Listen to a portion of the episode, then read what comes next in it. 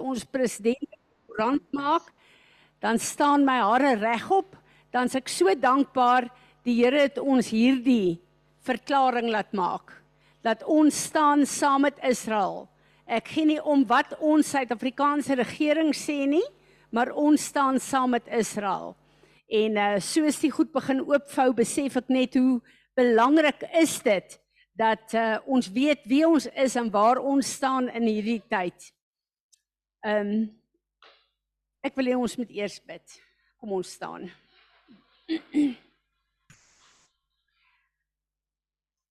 Vader, as ons hier staan vir oggend, dan staan ons met die wete dat ons wedergebore is deur die bloed van Jesus Christus, ons Heer en Meester.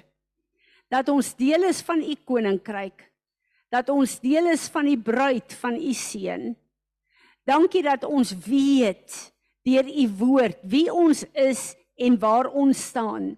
Dankie dat ons nie in verwarring hoef te wees, in misleiding hoef te wees, rond hoef te hardloop en te wonder wat gaan gebeur en wat is besig om te gebeur nie.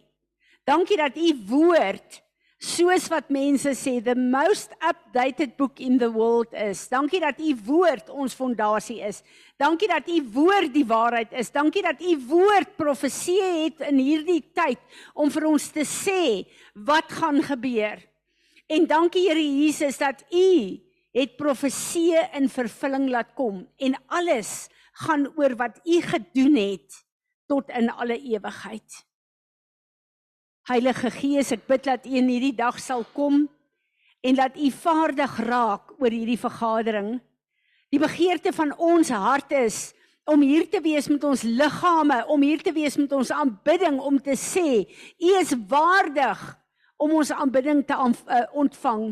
Ons is hier Here om te sê, maak nie saak waar ons is in tyd nie. Ons wil U aanbid want U is waardig om al die aanbidding van die heelal en van U kinders te ontvang. Heilige Gees, ons wil vra dat U in hierdie dag ons sal bedien met die woord. Dat U sal vloei met die gawes wat ons Vader wil laat werk. En ons wil kom, ons wil as U kinders op hierdie altaar klim ver oggend en sê, Here, hierdie altaar is die altaar waar ons as lewende offers op kan klim en sê ons vlees moet sterf maar ons moet lewe as u verteenwoordigers hier op aarde. Maar ons het nodig om u te vra kom leer ons hoe om in hierdie tyd te lewe. Vader ons wil hierdie aanbidding voor u bring en ons wil vra dat U ons sal help. Dat hierdie nie net 'n uh, liedere sal wees wat ons sing nie, Here, maar dat hierdie aanbidding vanuit ons gees uit sal kom en dat ons U ver oggend sal aanbid in gees en in waarheid. Ontvang hierdie offer asseblief as 'n soet soet offer wat ons vanuit ons liggame, vanuit ons stemme vir U kan bring en word U verheerlik ver oggend daardeur. Amen. Voor ons begin, kom ons aanbid Vader, Seun en Heilige Gees in hierdie oggend. Ek dink ons het ver oggend 'n baie ernstige woord waarna ons gaan kyk. Elke een van ons wat hier sit, dink ek is baie geraak deur die oorlog wat begin het in Israel.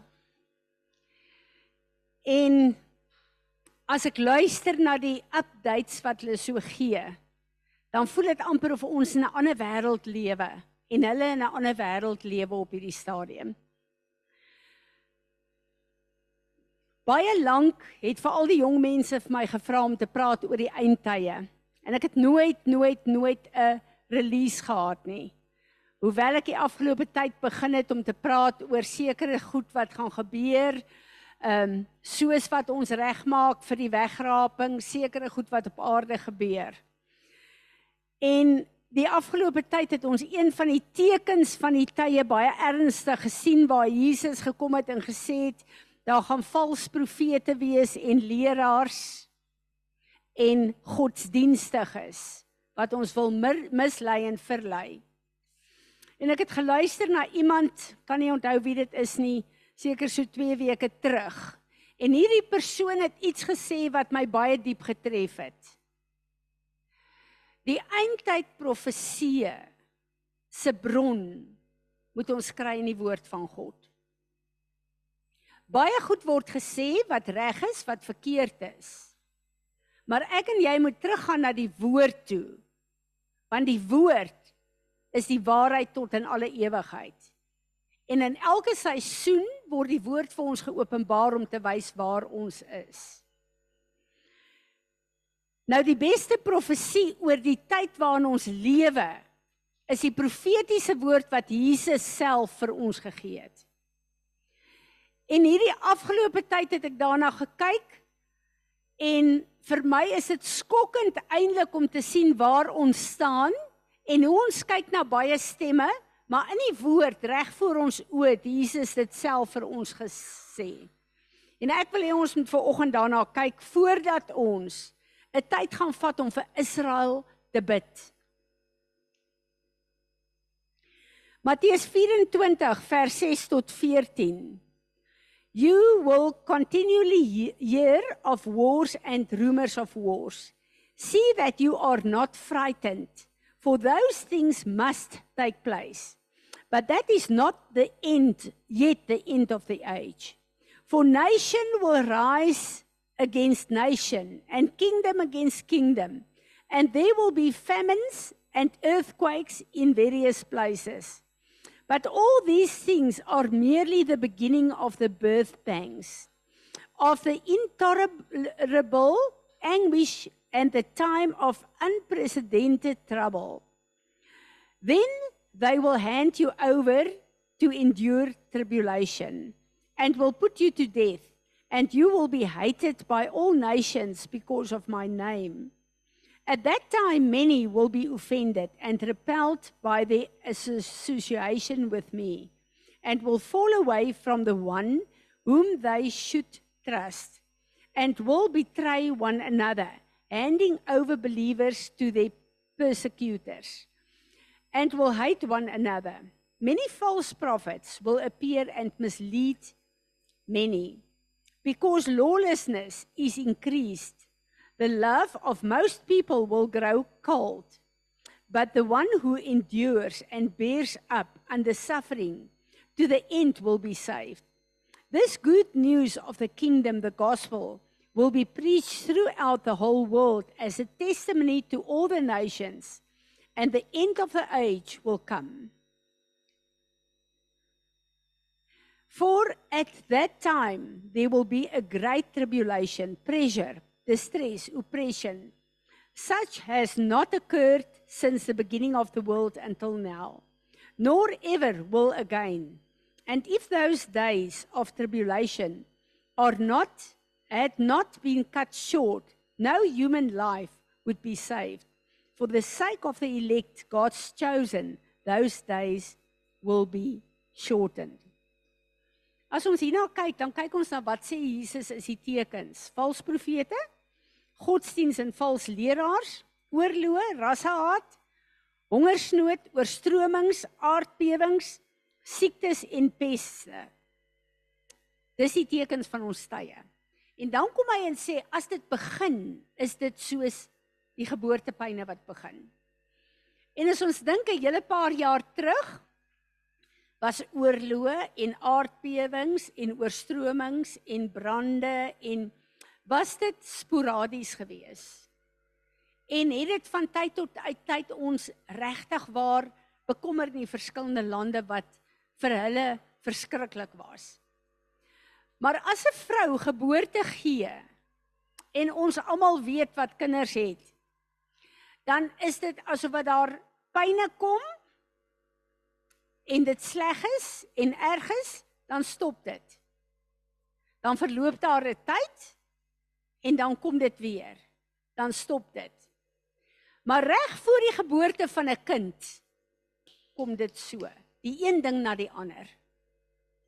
Met wat nou aangaan met hierdie tekens, lyk dit vir julle of dit dalk net voor die geboorte is, want dit is daar's nie meer daar's nie meer wagtye tussenin nie. Dis aanhoudend wat dit gebeur. En dis wat Jesus gesê het, as dit begin, gaan dit wees die begin van die geboortepyne. Geboortepyne. So hy vergelyk dit met geboorte wat gegee word. En dan kan ons in die fisiese kyk met wat nou aangaan. Hoe lyk dit? En ons weet ons is in 'n baie moeilike tyd. Maar iets wat my regtig waar gevang het en my oë laat oopgaan het is Matteus nog steeds 24 van vers 32 af. Na Jesus gesê het hierdie is die tekens, kom hy en hy sê: Now learn this lesson from the fig tree. As soon as its young shoots become tender and put forth puts out its leaves, you know that the summer is near.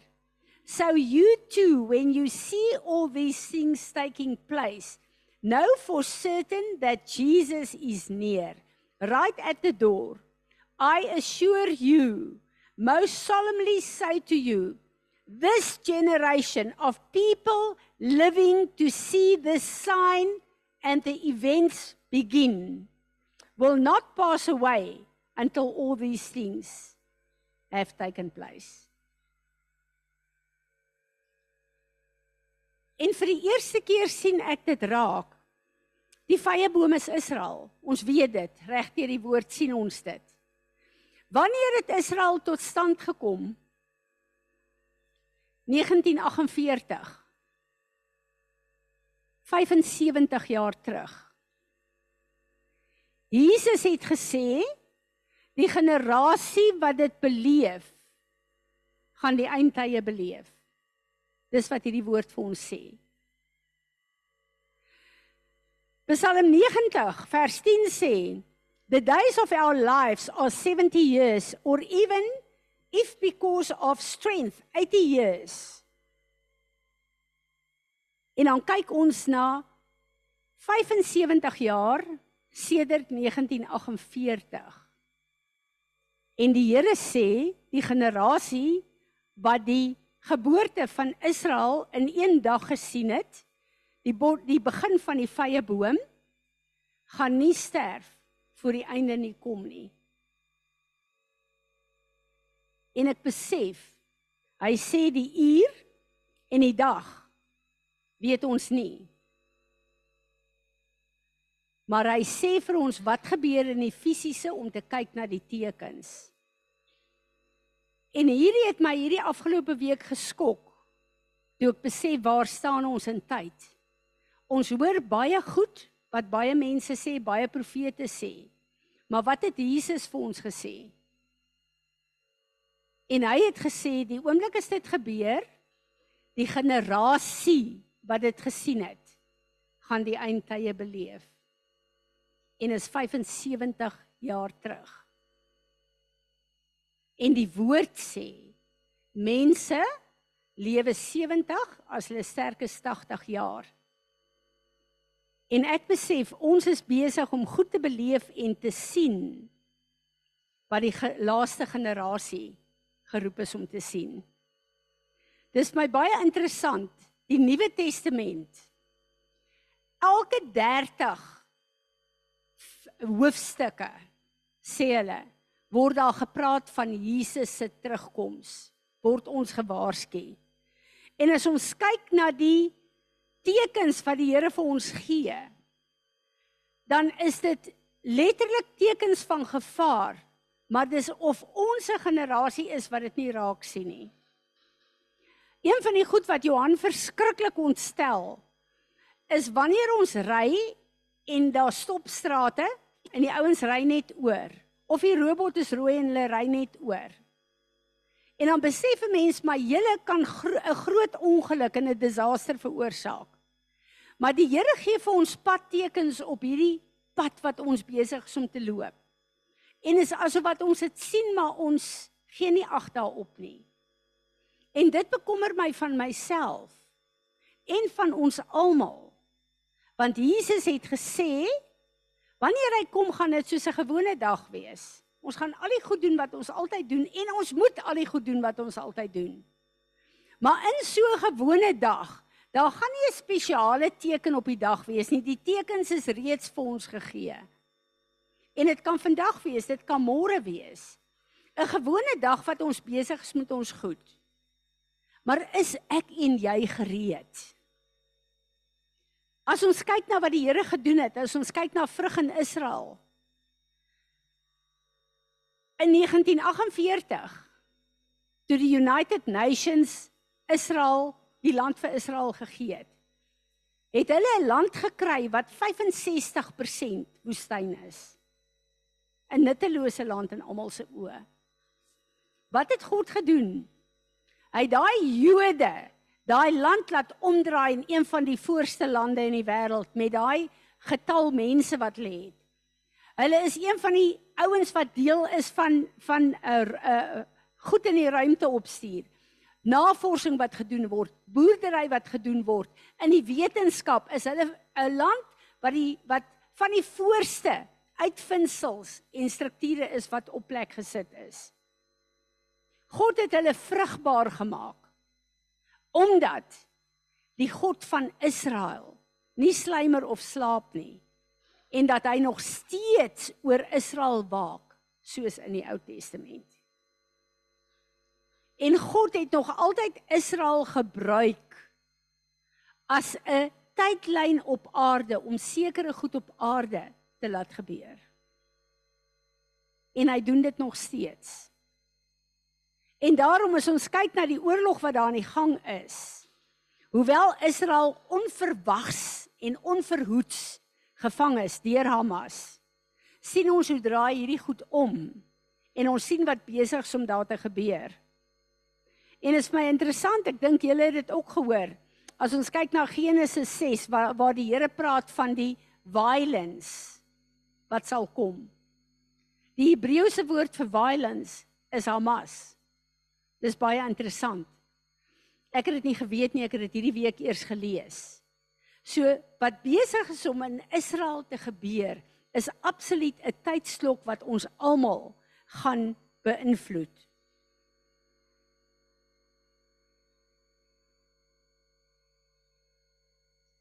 Wat vir my regtig waar 'n bekommernis is, is dat die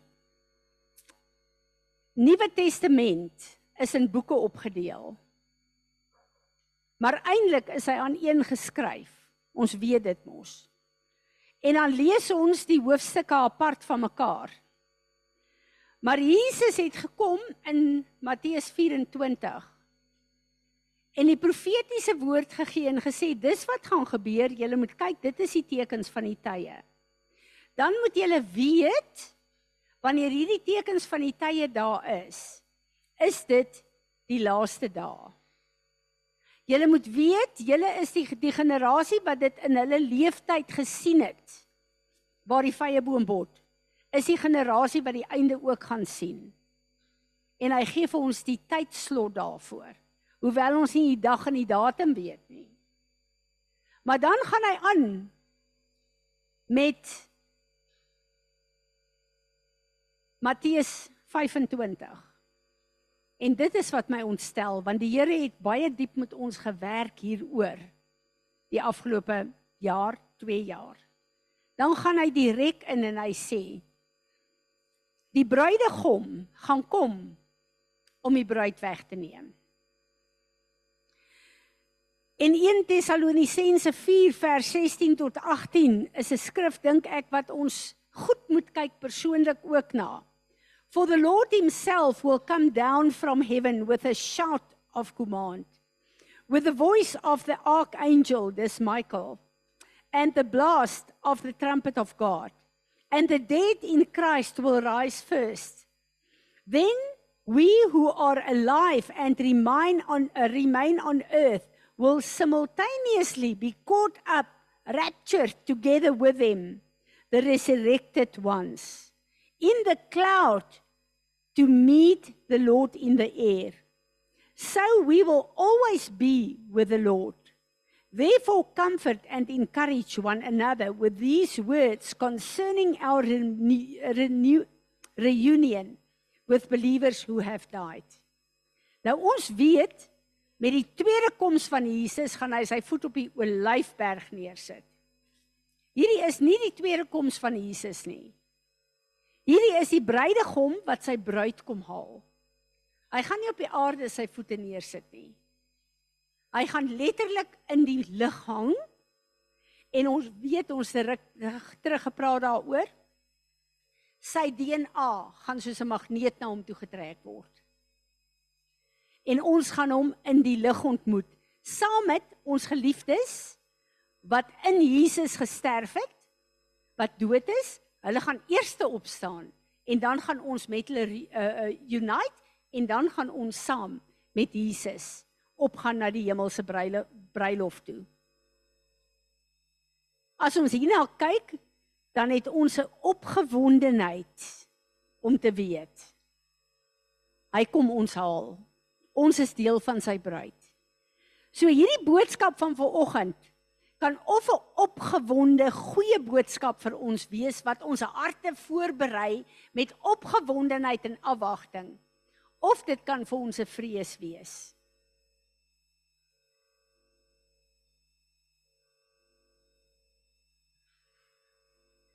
Maar Matteus 25 sê toe die bruidegom kom was daar 10 maagde.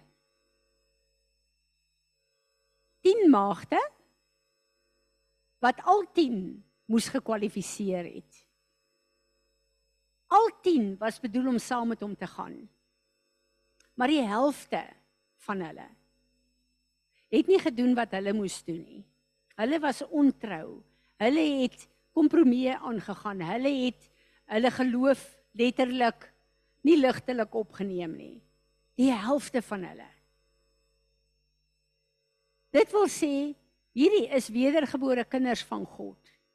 Maar die helfte is gediskwalifiseer. En dit is wat my bekommer van myself van ons almal van die liggaam van Christus. Wat is daar wat ek en jy moet doen? Handelinge 9 vers 4 tot 6. Paulus se getuienis is vir my 'n groot konfrontasie. Want kom ek lees dit vir julle. And he fell to the earth. Dit is Saulus nog wat Paulus geword het.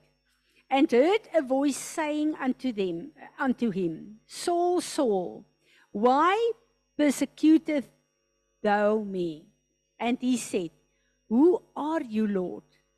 And the Lord said to him, I'm Jesus, whom thou persecute. It is hard for thee to kick against the uh, pricks.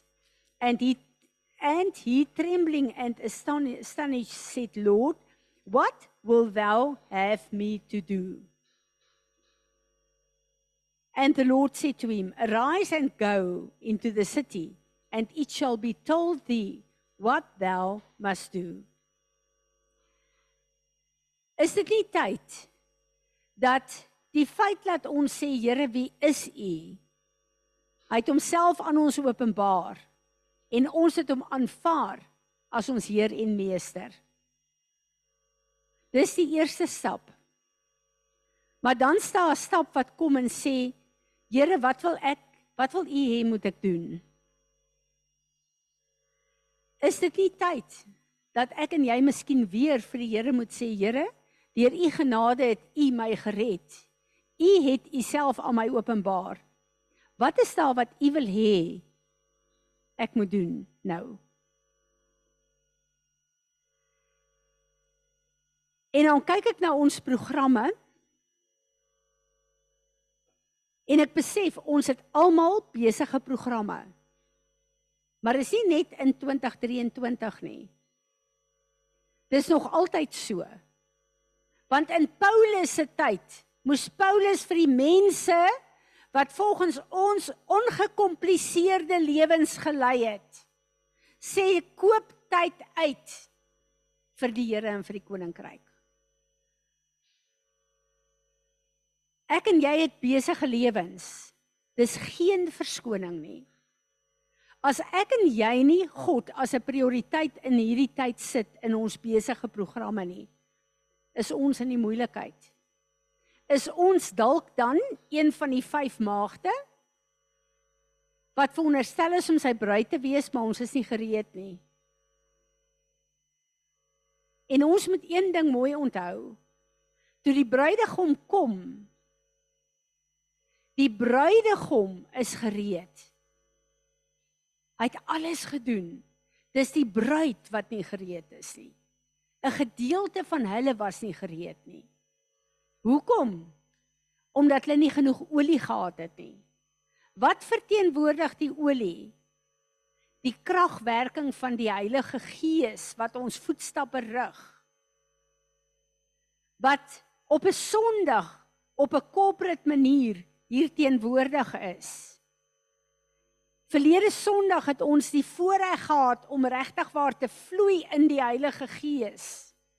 Wat beteken dit ons het langer kerk gehad as gewoonlik?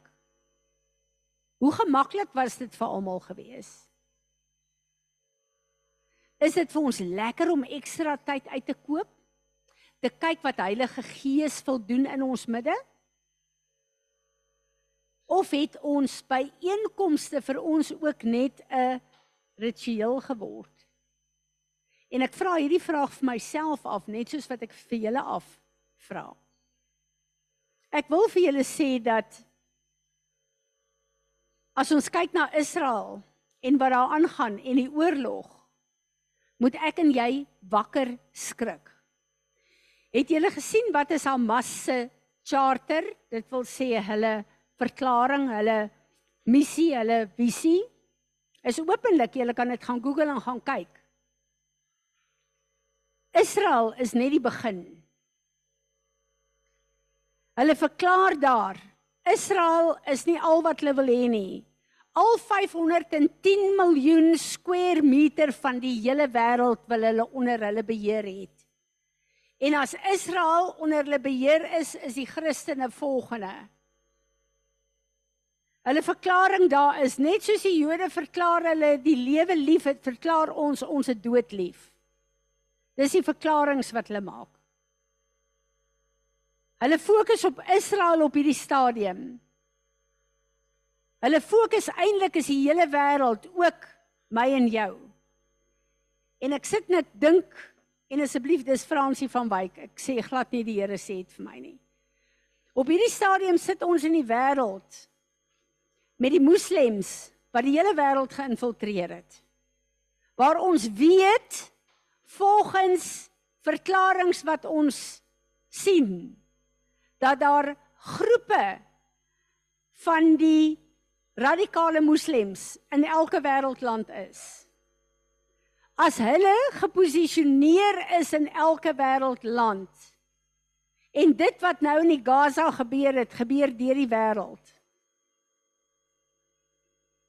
Wat gaan gebeur? Is ons net soos Israel was, totaal onverhoeds betrap? Voordat hulle gekeer kan word? Is 'n vraag wat by my opkom. Na ek gelees het dat hulle sê Israel is net die begin. Ons wil die hele wêreld hê. 'n een wêreldorde, 'n een godsdiens.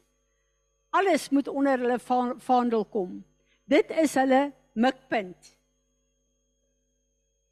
So wat ek vir ons wil sê, moenie dink Israel is ver van ons nie. Die God van Israel is ons God. Die woord van God sê vanweë die hardheid van die Jode het God oopgemaak vir ons as die gentiles om in te kom. Ons het 'n verantwoordelikheid om te bid vir die vrede van Jerusalem. Ons het 'n verantwoordelikheid om in hierdie tyd op te staan en te bid vir Israel. Maar dan ook seker te maak dat ek en jy deel is van die vyf maagde wat gereed is as Jesus kom. As ek kyk na hierdie goed, dan kan ek nie anders as om 'n bekommernis in my hart te kry nie. Maar ek het ook 'n opgewondenheid. Want ek besef daar is nie meer jare oor op aarde nie. Ons is in die laaste tye. En hoe wonderlik gaan dit nie wees as ek en jy getrou is tot op die einde met wat God ons laat doen op aarde en laat bou op aarde. En daar kom 'n punt waar 'n nuwe hemel en 'n nuwe aarde kom. Want ons is geroep om op aarde te lewe, nie in die hemel nie. Maar dat Jerusalem die hemelse regering afdaal vanuit God se troonkamer in die fisiese Jerusalem in Israel en waar ek en jy toegang gaan hê tot God en sy troon dag en nag. Ek kan my nie indink hoe dit gaan wees nie, maar ek weet dit gaan God se oorspronklike plan vir ons almal wees. Maar kom ons neem hierdie woord ernstig soos wat daar stopstrate is. Soos daar waarskuwings is, pas op, hier is 'n brug, pas op, hier is 'n hobbel, pas op in die fisiese op die paaie. Het God vir ons hierdie waarskuwings kom neersit. Kom ons luister daarna. Kom ons kyk hoe lyk ons lewe. En kom ons maak soos Paulus en sê nie net Here, ek wil weet wie U is nie. Kom ons vra vir hom, Here, wat het U my geroep om te doen in hierdie tyd? Waar moet ek getrou wees aan U? Waar moet ek diens hê saam met my lewe om U koninkryk te laat kom? En verlede week het ons 'n bietjie gesien met hierdie evangeliste wat hier is. Het ons 'n ingesteldheid om elke week vir die Here te vra, Here, vir wie se redding moet ek bid hierdie week? Met wie moet ek praat? Of leef ons net ons lewens van week na week na week sonder enige vrug vir God en vir sy koninkryk? Ek bid dat die Here ons sal help dat ons nie selfgesentreerd is en net kyk na ons eie goed nie, maar dat ons oë en ons ore oop sal wees vir die koninkryk van God. Ek wil vir ons die skrif lees in Romeine wat so bekende skrif is. En met wat aangaan in die wêreld met al hierdie brande, met al hierdie vloede, met al die voel jy letterlik onder watter gewig die aarde is van ver, vernietiging en van verwoesting. For the creation was subjected to frustration and futility, not willingly, because of some intentional fault on its part. Hierdie aarde is deur God geskape om God se plan en begeerte na te kom. Nie met wat alles op hierdie stadium gebeur as gevolg van die vyand se teenwoordigheid hier nie. But by the will of him who subjected it in hope that the creation itself will also be freed from its bondage to decay and gain entrance into the glorious freedom of the children of God. For we know that the whole creation has been moaning together as in the pains of childbirth unto now. Die hele aarde, die hele skepping is deel van hierdie geboortepyne.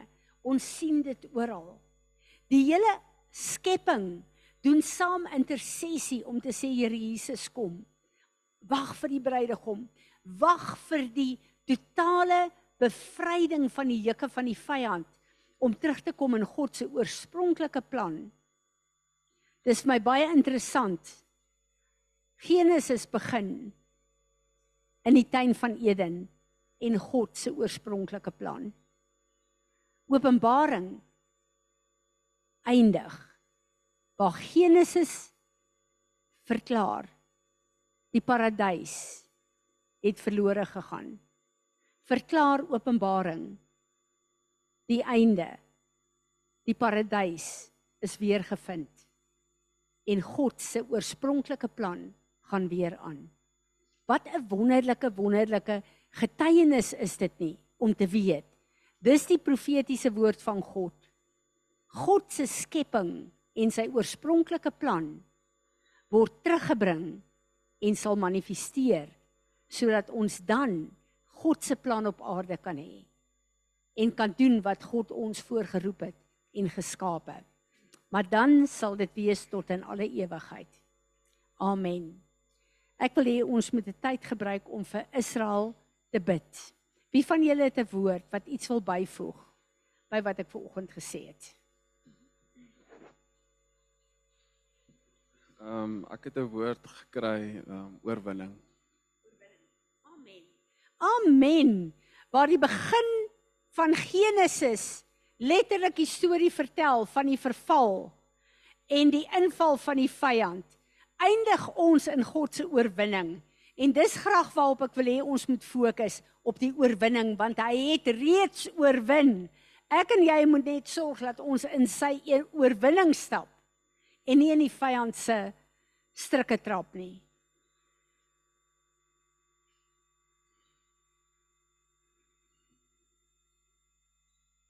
Jakob het sy kinders geseën en ehm um, het hierdie seën uitgespreek oor Israel. There is none like God, O Yeshurun. Nou dit is Israel. Who rides through the heavens to your help and in his majestic glory through the skies. The eternal God is your refuge and dwelling place, and underneath are the everlasting arms. He drove the enemy before you and thrust them out, saying, Destroy. And Israel dwells in safety, the fountain of Jacob alone, in a land of grain and new wine. Yes, his heavens drop dew. Happy are you, O Israel, and blessing is yours. Who is like you, a people saved by the Lord, the shield of your help, the sword that exalts you? Your enemies shall come fawning and cringing and submit faint obedience to you, and you shall march on their high places. Amen. Natasha sit net weer vir my die mense op asseblief. Amen. Uh as 'n mens kyk na hierdie oorlog, dan besef 'n mens dat oorlog is gewoonlik wanneer uh die magte van 'n land mekaar aanvat. Maar as mens kyk wat hier gebeur het, is dit absoluut so boos waar hulle ingekom het en onskuldige mense en babas doodgemaak het in die uh onskuldige mense in hulle huise en die kinders voor hulle ouers dood geskiet het, die ouers voor hulle kinders doodgemaak het. Dis so 'n 'n 'n boosheid wat net eenvoudig opgestaan het. Um ja, laat ek sien wie is almal daar. Ek wil regtig waar sê vir my wie van julle wil saam bid asseblief. Ek wil sommer net so vinnig ook sê Loetke en kreer julle verjaar vandag. Ek sal so 'n bietjie later met julle praat, maar ons bid dat dit 'n wonderlike dag vir julle en julle gesinne gaan wees. Ehm um, wys vir my daar asseblief uh, julle handjies vir uh, Natasha. Ek wil hê ons moet 'n tyd gebruik om regtig waar vir Israel te bid. En uh Tanya, ek gaan sommer vir jou vra kom begin. Uh bid vir Israel. Ek wil hê jy moet ook bid ehm um, Izet en laat ons regtig net saam staan en sê Here ons staan saam vir die redding van Israel. Onse hemelse Vader, dankie Vader dat U almagtig is, dat U groot en kragtig is. Ons loof U vir die bloed van Jesus Christus. Here Jesus, dankie dat U naam soos balsam oor ons uitgegiet is. Vader, dankie dat ons in hierdie oggenduur kan verklaar en weet u woord sê dat Israel is soos die appel van u oog. Dankie Vader dat u 'n grens trek tussen lig en duisternis. Dankie Here dat ons saam met Israel kan staan in hierdie dag, Here, en dat ons hulle kan seën. Vader, ons het laasweek of 2 weke terug het ons gelees in Psalm 18 wat Dawid gesê het: "U neerbuigende goedheid." Het ons groot gemaak. Vader, ons kom vandag En Here, u neerbuigende goedheid kom vra ons Here. May you Lord bless them. May you keep them. May you shine your face upon them and give them peace. Dankie Here dat U hulle met krag omgord en dat U hulle weer volmaak maak. Vader, dankie dat ons kan bid dat U 'n grens van oorwinning om Israel sal trek. Dankie Here dat ons kan bid dat U sal verwarring stuur in die vyand se kamp. Dankie Vader dat dat ons ook kan verklaar no weapon formed against them shall prosper and every tongue that rises up against them we shall condemn. Dankie Here dat dit die inheritance is van ons wat u kinders is. Vader, ons kom bid ook vandag vir elke Jood wat nog nie gered is nie. Ons roep hulle in die koninkryk van ons God in. Jesus, ons bid dat hulle u op 'n manier sal ontmoet. Here, en dat hulle u liefde sal ervaar soos nog nooit tevore nie. Ons loof U dat U God is, dat die oorwinning reeds aan Jesus Christus behoort. Here, en dat niks, niks U volk uit U hand kan trek nie. Ons loof U daarvoor in Jesus se naam.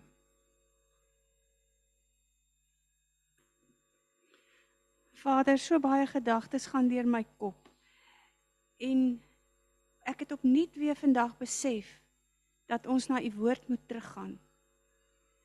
En ek stem saam met elke woord wat Tanya gebid het. U is almagtig, u is groot. U het 'n groot plan vir almal, vir die hele wêreld.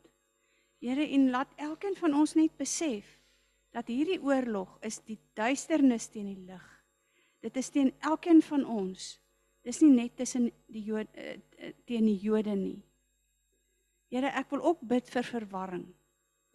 Ek ek dink aan Jonathan en sy wapendraer wat net hulle twee saam met u in die laar van die Filistyne ingegaan het en verwarring onder die vyand veroorsaak het en die hele klomp uitgeroei het. Here, U is 'n God van wonders. Ons het hoeveel keer al gehoor hoe U tot redding kom. En waar hierdie situasie so benard lyk. Here, waar daar soveel wreedheid en hartseer is en onsekerheid dat hulle nie weet waar hulle geliefdes is nie. Here, ek wil bid dat U teenwoordigheid sal kom soos ons vanoggend gesing het en dat elkeen van hulle in hulle droefheid en in hulle smart sal weet dat U daar is, dat U Uself sal openbaar, dat U hulle geestelike oë en ore sal oopmaak en dat hulle U Heilige Gees sal sal voel, Here, en dat hulle sal weet dat U met hulle is. Ag Here, ons ons smeek en ons roep uit na U in hierdie oggend. Ons ons is so ons leef so mee met hulle. Maar maar dankie Here dat ons die plan van Genesis tot Openbaring dat ons dit kan sien in die Bybel en dat U vir ons sê hierdie dinge gebeur. Maar laat ons wakker wees, Here, dat ons nie aan die slaap gevang sal word nie. Baie baie dankie vir U groot genade, vir U liefde vir elke mens en dat U nie wil hê dat een verlore moet gaan nie. Here, ek moet ook vir die vyand bid. Ek moet ook bid, Here, dat daar sal van hulle wees of wie U dan nou wil trek. Ek bid Here, Johnny Ware. dat U hulle ook sal wakker maak en besef waarmee hulle besig is sodat hulle ook 'n kans het om in die koninkryk te kom. Dis moeilik om vir hulle te bid. Ek weet nie eintlik wat om te sê nie, Here, maar U sal weet. In Jesus naam. Amen. Pieter, ek wil hê jy moet ook vir ons bid. Ek wil net eers bid. Vader, ek wil kom en ons wil instaan namens ons regering. Vader, ons wil vergifnis vra vir elke woord wat ons president gepubliseer het in die koerante en uitgespreek het. Elke plek waar hulle u volk vervloek het en die Palestynë opgelig het. Ons wil kom vergifnis vra, Vader, as Suid-Afrikaners en ons wil sê ons stem nie saam met wat die regering doen nie. Ons kom as u regering geestelik en ons staan saam met Israel. En u woord sê wie Israel seën sal ek seën. Wie Israel vervloek gaan ek vervloek. Here, ek bid vir genade vir Suid-Afrika. Ek bid Here dat u ons nie sal toereken dit wat die regering verklaar en sê nie, Here, want ons stem nie daarmee saam nie. Gryp in asseblief, wees ons genadig, Here, en ons wil bekend staan as 'n land wat saam met U staan, Here, en die bid vir die vrede van Jerusalem. Dis ons verklaring uit Suid-Afrika uit in hierdie oggend in die naam van Jesus. Pieter, dankie, kan jy ook vir ons bid?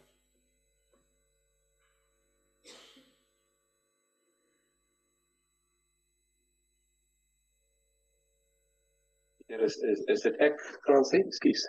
Ja, dankie Pieter. Of Piet. Nee, dis jy. Here, ehm um, God almagtig. Vader, ja en amen op al die gebede vir oggend. En ek wil ook Vader om vergifnis kom vra. En ek wil in die gaping kom staan vir ons land. Here, eintlik ook vir myself, Vader, dat ek nie genoeg vir die vir die wel, welvaart en die beskerming van Israel gebid het nie. Here, ek wil ver oggend na U toe kom en sê ek is skuldig, Here. Ek is skuldig daarin dat ek ook eintlik saam met die vyand was omdat ek nie vir Israel genoeg gebid het nie. Ek bid vir oggend Vader dat U wysheid sal gee vir die regeringslui in Israel. Dat U wysheid sal gee ook vir die regeringslui in die res van die wêreld. Vader, dit is goed om te sien dat daar tog nog baie lande is wat saam met Israel staan. Here, ek bid dat U die wysheid vir hulle sal gee om te sal besef dat die behoud van Israel ons behoud sal wees. Dat die dat die vrede wat in in Jerusalem sal kom sal wees. Open hulle oë, Here. Open hulle oë en hulle gedagtes en hulle harte dat hulle sal bestaan ons almal Here dat ons almal sal besef dat dit wat gebeur in Israel dat dit is wat u voorspel het in die woord en dat ons sal leef volgens dit. Here ek wil ook kom bid. Want u laat in die in die week het u my so baie laat verstaan van die engel wat gekom het en gesê het ek is nie vir julle nie. Ek is nie vir hulle nie, ek is vir die Here. Here u het almal lief op hierdie wêreld. En ek bid ek bid die hand van beskerming ook oor die oor die siviele mense wat so geraak word wat nie eintlik erg het of nie eintlik betrokke wil wees of kan wees nie, maar omdat hulle onder die die regering van die dag lewe soos ons hier in Suid-Afrika dat ons so ehm um, beïnvloed word daardeur Vader, ek bid dat U U hart van beskerming oor hulle sal uitstort in die naam van Jesus. Amen. Amen. Nog iemand wat wil bid? Wat voel hulle wil bid? Dankie Agatha. Hallo Tannie. Môre. Um. Goed. Ehm um, Vader God, ek wil vanoggend spesifiek kom bid, Vader, vir elke ma en elke familie wat kinders verloor het. Vader God, ek bid vir al die kleintjies, Vader, wat nog ehm um, as hostages gehou word in die vyande se se se gebied, Here. Vader, u woord sê en thus says the Lord, a voice is heard in Rama, lamentations and bitter weeping. Rachel is weeping for her children. She refuses to be comforted for her children because they are gone. Maar dan sê woord, restrain your voice from weeping and your eyes from tears. For your work will be rewarded, says the Lord, and your children will return from the enemy's land. There is hope for your future, says the Lord. Your children will come back to their own country. So Vader God, ek bid nou dat elke ma in hierdie oorlog, Vader, wat U nie ken nie en wat U ook ken, Vader, dat hulle U sal vind op onbeskryflike vlakke en Heilige Gees, pragtige Heilige Gees, dat U daar die vakuum in hulle lewe sal kom vul die wat kinders verloor het en dat die kleintjies wat nog daar is, Vader, dat U 'n extra measure of protection sal stuur vir elk vir elke liewe kind. Vader, ek wil hê U moet my tong gebruik, Vader, my stem gebruik vir elke engel wat autoriteit nodig het. om gereleased te word om daai kinders op te pas in Jesus naam. Dankie Heilige Gees dat ons weet dat U vaardig raak oor elke situasie en elke persoon. En ons bid Here vir 'n goddelike orde in elke een van daai moeilike situasies. Dankie dat ons ons op U kan beroep. U is God. U is almagtig. U is alomteenwoordig. Nog iemand?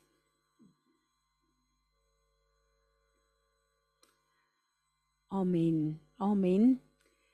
Iemand wat ons in hierdie tyd graag na luister is Amir Servati. Hy is redelik uh op datum met alles wat gebeur en sy uh fokus kom uit die woord uit wat vir my goed is. Iemand wat ek ook nou na geluister het wat um uh, regtig ook 'n wêreldoorsig het is John Hagee. Hy is ook regtig baie op die woord voel ek in hierdie tyd om na te luister. Maar kom ons bly bid vir Israel. En ons bid vir Israel met die wete van dis nie iets wat ver is nie, is iets wat ons raak ook. Soos wat Tanya gebid het, Israel die appel van God se oog. Amen. Nog iemand wat 'n woord wil hê? Is daar nog iemand op Zoom, Natasha? Goed. Uh vir oggend gaan Eugene vir ons die verbondsmaal doen. Dankie Eugene. Nou sê baie dankie. Nou hierdie baie gewigtige boodskap vandag voel dit vir my wat ek te sê het maar min en dun is, maar ek dink dit is ook belangrik. Ehm um, daai vers in die Bybel sê van wat sê we overcome by the word of our testimony. Ons oorwin die duiwel deur die woord van ons getuienis. En dis um, een van die redes hoekom ek vandag besluit het om hier te staan om my getuienis te gee van die afgelope paar weke wat met my gebeur het en en ehm um, my my belewenis daarvan. So ehm um, ja, eerste plek wat vir my ongelooflik belangrik was is die hoeveelheid mense wat vir my gebid het. Jy weet, dit was my ongelooflike riem onder die hart geweest.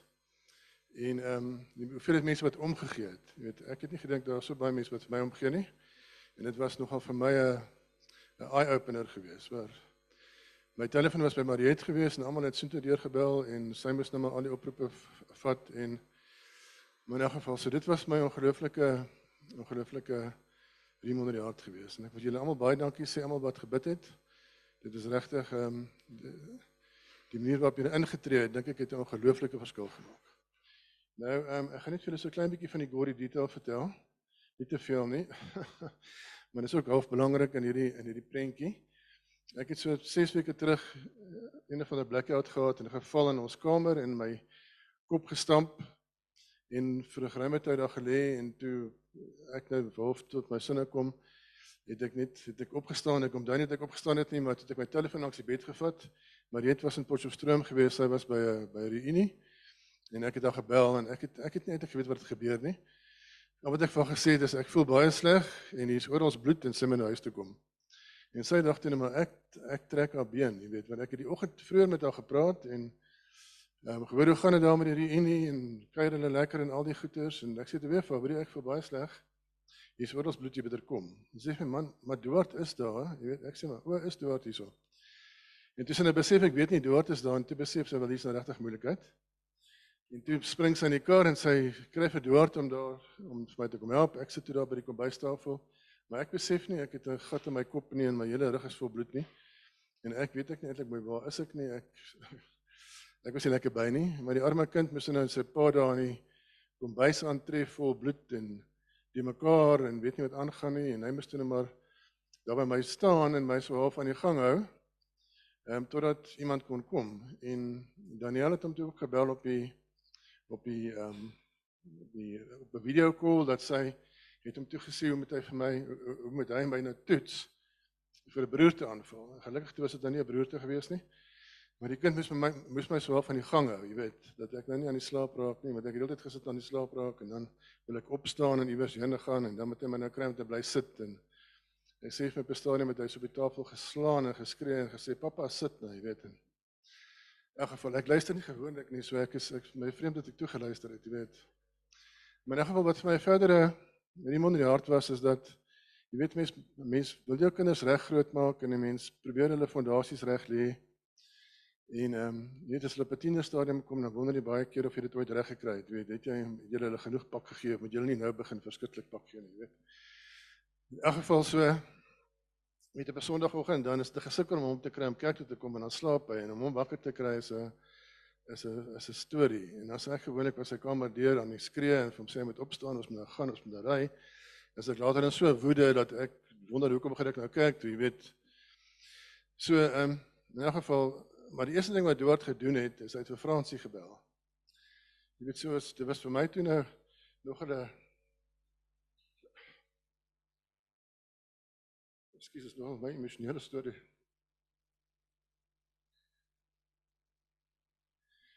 Ekskuus ja. Ons weet nog al 'n riem onder die hart gewees dat met al die jy weet gesukkel met hom was sy basis reg gewees om te weet waar moet hy eers gaan hulp vra, jy weet. En ehm um, Frans het toe onmiddellik begin bid. toe kom die buurman daar, 'n ou frikpotgieter en hy het dan ook daar in die kombuis vir my gestaan en my aan die gang probeer hou. En kort daarna het Mariet en die en die ehm um, en die vrou van die ehm um, paramedics aangekom. En die paramedics vrou het net my kop verbind en gesê Mariet moet in die kar spring en jaag. Want sy het te vermoed dis 'n 'n basis skedelbreek en ons is in die hospitaal toe en ek kom daar nie veel daarvan nie. Ek kom daar net so hierso in Klerksdorp het Mariet oor al die robotte gejaag en ek sê toe van man, moenie so jaag nie, ek's alright, jy weet. En arme Duarte is nou weer agter in die kar sit en elke nou net my vra, "Pappa, is jy alright? Pappa, is jy alright?" Want hulle het gesê as ek nou iewers in 'n koma beland, dan moet hulle 'n ambulans van voor af stuur. So ons het toe die hospitaal gehaal en ek kom daai nie veel daarvan nie oorgelaai na 'n ander aan 'n ander trolley en of 'n trolley ingelaai en toe oor in 'n ander trolley en 'n brain scan en whatever. En toe die uit vasgestel ek het 'n basis skedelbreek en daar's bloeding op die brein en die loop breinvloeistof en bloed by my een oor uit. En toe moes hulle my toe nou na 'n ander hospitaal toe oorsit want daar's nie 'n neurochirurg by daardie hospitaal nie. Maar goed, lank storie te kort. Jy weet wat vir my toe nou ongelooflik is is die hoeveelheid mense wat gebid het en die krag van daai gebed want die neurochirurg het vir my gesê dat indien die bloeding en die breinvloeistof nie op uitloop by my oor nie, gaan ons moet um, opereer. Maar dit was nie 'n dag nie toe dit alles opgehou. Jy weet en die die woorde wat die wat die paramedic vir Mariet gesê het is weet jy so, jy moet jaag. En ek het agterna van gaan dankie sê vir haar moeite en toe sê sy vir my weet jy sy was baie bekommerd want 'n basisskedelbreek en baie vinnig verkeerd loop. So duidelik duidelik is was hierdie aanval op my lewe gewees. Ons die duiwel wat my probeer uithaal het. Ek is 'n redelike doring in sy vlees want ek is nogal gefokus op geestelike oorlogvoering. En as enigiemand in my kantoor inkom en hy sit net 'n bietjie skeef vir 'n rukkie dan is ek op sy keus met allerlei goeders oor vrymeslaers en goeders, weet my kinders rol al hulle oë as ek met dit begin praat.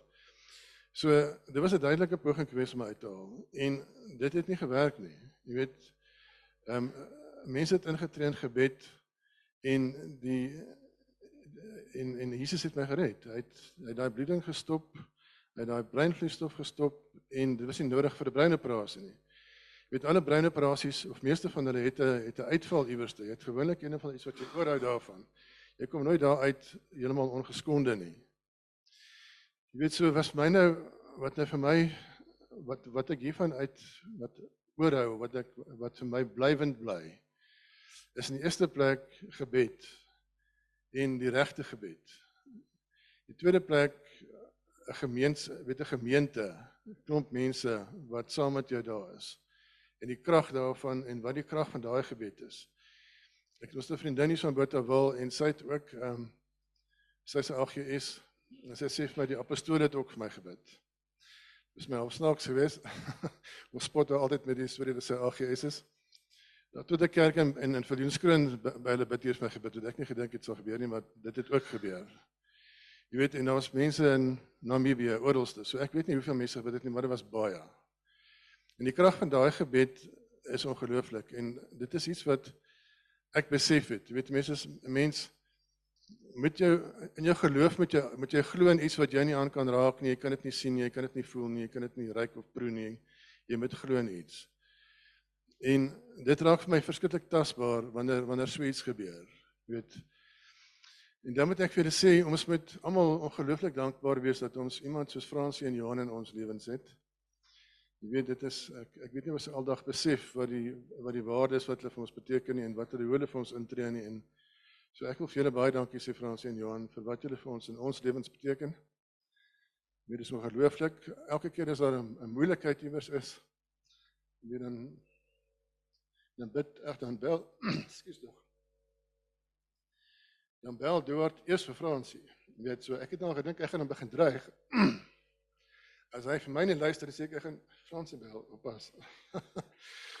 so ehm um, dis 'n ongelooflike voorreg wat ons het en ons moet dit besef. Jy weet so ehm um, ja. Nou ek moet net probeer alles onthou wat ek wou gesê het. Ek wou eers baie dankie gesê het vir almal en dan wil ek vir Fransie baie dankie gesê het. Ja, en dis die vraag, wat het dit nou te doen met die met die met die nagmaal? Dit is dit is alles te doen met die nagmaal. Jy weet ons is baie maklik en baie vinnig om die storie te vertel van Jesus het vir ons sondes gesterwe en hy het ons het deur sy deur sy dood kry ons ons sondes vergewe en hy neem die siekte op hom en al die vloek en al die goedjies. Maar wanneer dit 'n werklikheid raak in jou lewe, dan is dit dan dan verstaan jy dit beter. Jy weet so um, ek wil vandag baie dankie sê vir Jesus veral. Jy weet dat hy vir ons almal omgee. Jy weet ehm um, toe my ma oorlede is, seker so 5 jaar gelede toe mis ek vir haar op haar doodsbed begeleiding gegee. En toe het ek vir gevra, jy weet nou ek alles deurgegaan wat ek gedink het mense moet deurgaan. Toe vra ek vir haar, het sy nou sekerheid dat sy hemel toe gaan? En sy sê vir my ja, maar wat as Jesus haar nie wil hê nie? Jy weet. Toe sê ek van, maar weet jy wat, ehm um, kan nie sê dit wat ek vir haar gesê het nie, maar die gevolg daarvan was dat daar's altyd by ons twyfel partykeer. En dit is nie die duiwel wat daai twyfel saai. Dit is nie die duiwel wat vir jou wil kom sê, hoorie so, maar jy's nie goed genoeg nie of jy bid nie genoeg nie of jy jy lees nie genoeg jou Bybel nie. So um, ja, nog 'n ding wat ek vir julle wil sê is die tyd wat ek toe in 'n hospitaal gespandeer het en vir die plafon geleen kyk het vir 8 dae en die klomp verpleegsters moes gedodge het met hulle naalde en hulle kateters en goeters. Ehm um, het ek baie gesit en dink of gelê en dink. Jy weet hoeveel keer word ons gekonfronteer daarmee met weet jy vandag kan jy doodgaan. Wat is dit vandag? Jy weet hierdie ding kon baie maklik skeef geloop het. Jy weet as ek dalk nog 'n harder hou gegee het, gehad het, was ek nie vandag hier nie. Jy weet as dit nie vir vir die Here was en al die gebed nie, was dit dalk anders geloop. Jy weet so hoeveel van ons het nou al ernstig daaraan gesit en dink. En weet ons is geneig om dit eenkant toe te skuif soos daai jobbie wat jy nie wil doen nie, jy weet jy sit aan een kant en môre en môre en môre, jy weet. Hoeveel van ons het nou al gesit en dink van as ek dalk nou Nou as ek hier uitstap nie meer hier is nie. Wat dan? Nievermand wat jy alles nog wou gedoen het in jou lewe en wil jy nog dit met jou kinders en dit bereik het, jy weet. Ek dink meeste van ons het sekerlik die die die, die gevoel dat ons gaan hemel toe. En jy weet dan waaroor ek natuurlik wonder is, hoe gaan dit lyk as ek daar kom? Jy weet, wat gaan gebeur? Gaan daar 'n ou by die hek staan met 'n boek en 'n pen, jy weet, ehm um, daai tipe van goeders. Maar ehm um, Sit 'n bietjie as jy 'n kansie kry en sit 'n bietjie stil en dink 'n bietjie. En 'n mens besef dan wat is belangrik in jou lewe. Jy weet, as jy jy weet daar's baie dinge wat jy nog in jou lewe wil doen. Jy weet jy wil nog jou kleinkinders sien, jy wil nog eendag jou dogter in die in die kerk inneem. Jy weet so daai tipe goeders en dan besef mens ook wat is belangrik in die lewe. Jy weet ons is elke dag besig met 'n gejaag na wind. Ons moet almal elke dag opstaan en gaan werk sodat ons 'n inkomste het vir ons gesin. Maar waarop fokus ons? Is ons nie in 'n groef besig nie en ehm um, met redreis, 'n gejaag na wind en dit het was nog of my eye opener gewees oor wat is belangrik in my lewe. En ehm um, ja, dit het 'n paar skuwe gemaak in my kop en dit maak 'n bietjie ehm um, golwe by my huis want ehm um, Nou sekere dinge wat ek nie meer gelaat aanvaar nie en sekere dinge wat moet reg wees en so. Ja, en waarby nou vir die vir al die goedjies. My sekretaresse se man het ook op 'n stadium 'n breinbesering gehad en Ek is ongelooflik kort van draad deesdae. Ek kan dit nie glo hoekom nie, maar almal loop deur en my sekretaris het ook deurgeloop en toe sê ek Fabreek is jammer. Ek moes 'n klomp keer om verskoning vra vir die vir die ehm um, kort van draad gehou. Dis sê sy vir my nie, maar dit is nou maar 'n gevolg van die van die breinbesering dat 'n mens kort van draad is, jy weet. So ek moes nou 'n klomp keer om verskoning vra by die huis ook. Maar dit het nou vir my gesê, jy weet, ek moet dit nie dit dit net as 'n as 'n verskoning gebruik nie, jy weet, om um, kort van draad te wees. Maar in 'n geval so baie baie dankie vir almal wat my gebid het. Dit is my ongelooflike ongelooflike 300 jaar gewees. En dan weet jy mense probeer jou jou lewe um reg lei. Jy probeer die regte dinge doen. Jy probeer nie um is daar een boek wat sê um how to make friends and whatever. Jy weet mense probeer dan ten minste nie almal afskrik nie. So dit was my nog 'n groot 'n groot in die onder jaar oor hoeveel mense vir my omgegee het. En hoeveel mense agterna vir my gesê het, weet jy ons is so bly jy's nie jy's jy's nog met ons want in, in werklikheid beteken jy baie vir ons. So baie dankie vir dit. Maar in 'n geval, so ehm um, ek gaan net gou vir ons 'n klein gebedjie doen. Baie dankie Jesus dat U vir ons aan die kruis gesterf het. Baie dankie dat U al die sondes en al die vloek en al die siekte op U ons geneem het, op, op U geneem het. En baie dankie dat ons altyd op U kan vertrou. Dankie dat U vir elkeen ieder een van ons lief is en dat U vir elkeen iedereen van ons um, 'n plan het en dat U vir ons saligheid bewerk het en dat ons altyd op U kan vertrou. Amen.